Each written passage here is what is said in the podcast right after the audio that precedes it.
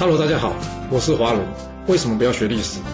因为学历史会让你了解到顶层阶级的思考方式，成为他们的竞争者，所以他不希望你去学。还有学历史会让你看到许多前人成功及失败的案例，你的竞争对手想要好好的睡个觉，所以他也不希望你去学。最重要的是，学历史会让你了解人性，你的老板以及同事都希望你保持天真的心，所以他们更不希望你去学。就是因为这些原因，接下来我要跟你说的是故事，而不是历史。今天的主题是说服别人还是说服自己？大家还记得吗？之前我们有说过，为什么道理说得通，但对方却听不下去？还有为什么小人说话，老板比较爱听？难道真的是因为老板比较笨？这两个主题，这两个都是失败的案例啊。今天让我们来说个成功案例的故事给各位听吧。大家都知道春秋五霸的第一人齐桓公吧？要知道哦，齐桓公并不是嫡长子哦，而在古代呢，主要是以嫡子或是长子即位。那么为什么后来登上国君地位的人是齐桓公呢？这个故事呢，要从他爸爸齐襄公开始说起啊。齐桓公的爸爸齐襄公呢，是个出了名的坏蛋，他又乱伦，又杀害邻近的两位国君，到后来呢？还公然出兵对抗王师，在当时这可是重罪啊！他为了害怕周天子率领大军来攻打他，所以呢，他派兵在这军事要地进行防守。原本这也没有什么问题啦，但问题出在哪里？他答应这些辛苦防守的将士啊，一年之后他就会找人来替换他们回国。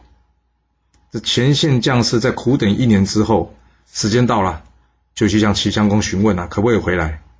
没想到齐襄公呢，完全不讲道理啊，要他们再等一年。哇，这守城的将士听到这个答案之后，非常的火大，他们联合齐襄公的兄弟啊，起兵造反，将这齐襄公给杀了。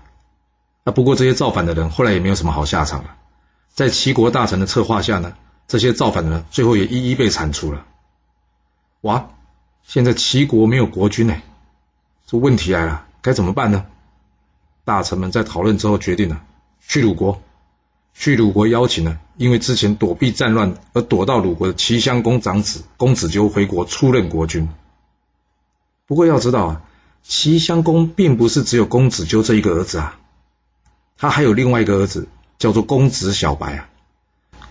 公子小白呢，之前因为得罪了他爸爸，所以躲到附近的莒国去，也就是后来的齐桓公。这小白一听到他老爸死掉的消息啊，马上找来他的老师鲍叔牙讨论啊。鲍叔牙告诉他说：“我们得赶紧回国去争夺这个爵位啊！”所以二人二话不说呢，马上跟举国的国君借兵冲回这齐国。当然，这当中还有一段小插曲啊，就是公子纠的老师呢是管仲，管仲呢早就猜到了公子小白呢可能想要回国争逐爵位，所以呢他特地赶过来暗杀这公子小白。不过这公子小白命大，原先是必死的一箭呢。却被他身上的带钩给挡住，意外的躲过这个死劫了。聪明的他呢，马上装死骗过了管仲，之后连夜赶回齐国。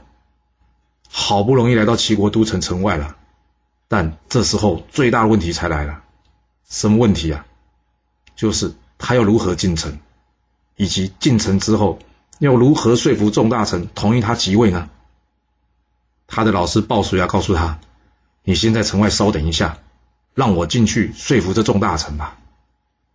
我要是你是鲍叔牙，你有没有想过，你有什么好方法可以说服大家呢？你可以听听看鲍叔牙怎么说吧。鲍叔牙一进城见了众大臣，他告诉大家，这公子小白是个贤德之人。我想这句话应该只是个开场白了，不会有人理他的。果然，大家马上回复他：“哎，别说了。”我们已经去鲁国请公子纠回国了，而且公子纠才是长子啊，按照礼法就应该是公子纠即位。鲍叔牙不管他们了，接着说：“我们齐国连续死了两位国君，今天若是让没有贤德的人即位，恐怕无法稳定局面啊。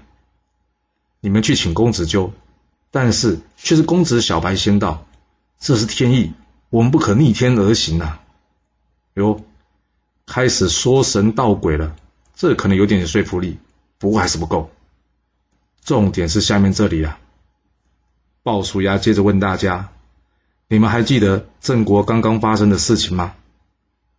这宋庄公曾经受过郑国多少的照顾跟好处啊？但是他却为了钱赶走了郑国的国君，弄得郑国鸡犬不宁。他送郑国公子图回国时，他跟郑国要了什么？他要三座城池，黄金万亿啊，还有白玉百双。好，简单来说就是搬空郑国的财宝啊。另外还要郑国每年给宋国三万钟的粮食。哎，哦，我现在问问各位了，我们先君齐襄公跟鲁国关系好吗？还是说鲁国现任的国君鲁庄公？曾经受过我们齐国什么样照顾或者什么好处呢？我只知道先君齐襄公因为怕自己乱伦的丑事被发现，动手杀了鲁庄公的爸爸。这件事天下都知道，我想鲁庄公不会不知道吧？那你们去鲁国，请鲁国鲁庄公宋公子纠回来，你们觉得鲁庄公是吃素的吗？他现在不会趁着机会好好的勒索我们齐国一番吗？你们当中？有谁可以保证鲁庄公是个不念旧恶之人啊？一旦鲁国来勒索，你们觉得我们要给他几座城池啊？而这城池会不会刚好就在各位目前的封地之上呢？另外，要是鲁庄公也学宋国一样画葫芦搬空我齐国的财宝，那我再请问各位啊，一旦齐国的财宝被搬空，新任国君上任无钱可用，那要怎么办？大概只有两条路吧。第一条就是加税。那各位觉得？现在我们齐国的民心安定吗？适合加税吗？好，要是不加税，那第二条是什么？就是跟各位大臣还有贵族要钱了。到时候我问各位，你是给还是不给啊？至于那一大堆粮食，我就不多说了。当然了，我们也可以说，这新任国君就直接耍赖，不要给鲁国。不过一旦他这么做，除了失信于天下之外，就等于公然与鲁国宣战。你们觉得我们目前有百分之百的把握能打赢鲁国吗？不要忘了哦，前次济国之战，鲁郑联军就击败了我们与燕、宋、魏的四国联军，不是吗？哇，讲到这里，要是你是大臣，你觉得你还会想要鲁国送公子纠回国吗？鲍叔牙的这一番话，是不是讲到各位大臣的心坎里了呢？若是让鲁国送公子纠回齐国，可能会大大的损害自己的利益啊！就算是要耍赖不给，那可能也要与鲁国一战，有把握能赢吗？但是，若是改换让公子小白继位，由于送他回来是举国，哎，像举国这样的小国，他敢跟我们齐国这样大国要钱吗？他能要多少呢？好了，就他真的敢要，我齐国耍赖不给，举国能怎样呢？听出来了吗？要是你是大臣，你现在会希望公子纠回来即位，还是公子小白啊？你觉得鲍叔牙是说服了大家，还是让大家说服了自己？这个故事的结局是，齐国的众大臣们在听完鲍叔牙的话之后，都认为，嗯，公子小白是个有贤德的人呐，加上他又比公子纠早到，这是天意，所以大家决定改立公子小白为新君。听到这有没有觉得很好玩？这一开始最不重要的两点，最后竟然变成大家同意的理由了。鲍叔牙早就预先帮大家想好了，若是大家同意的时候，要用什么理由来说服自己呢？其实理由通常没有那么重要了，只是要有说法就可以了。最后，这公子小白就在鲍叔牙的推荐下，正式踏入宫中，成为春秋五霸的第一人——齐桓公。我们常常听到人家说啊，顾客导向或是产品导向，其实用句白话来说，就是你是从你的角度来思考问题，还是从客户的角度来思考问题。所以，下次你想要拿方案说服你老板时，你要优先考虑的，除了是这个方案到底是对公司好还是不好，或是行还是不行之外，更重要的是你老板接受这个方案的意愿。他接受这个方案有什么好处？或是换个角度来看吧。他不接受这个方案，他有什么坏处？一旦老板经常接受您的建议，久而久之就会习惯成自然。你的提案呢，通常一开始就有八成的胜算了。你千万别以为这些业务啊、行销啊是业务或行销人员的事情。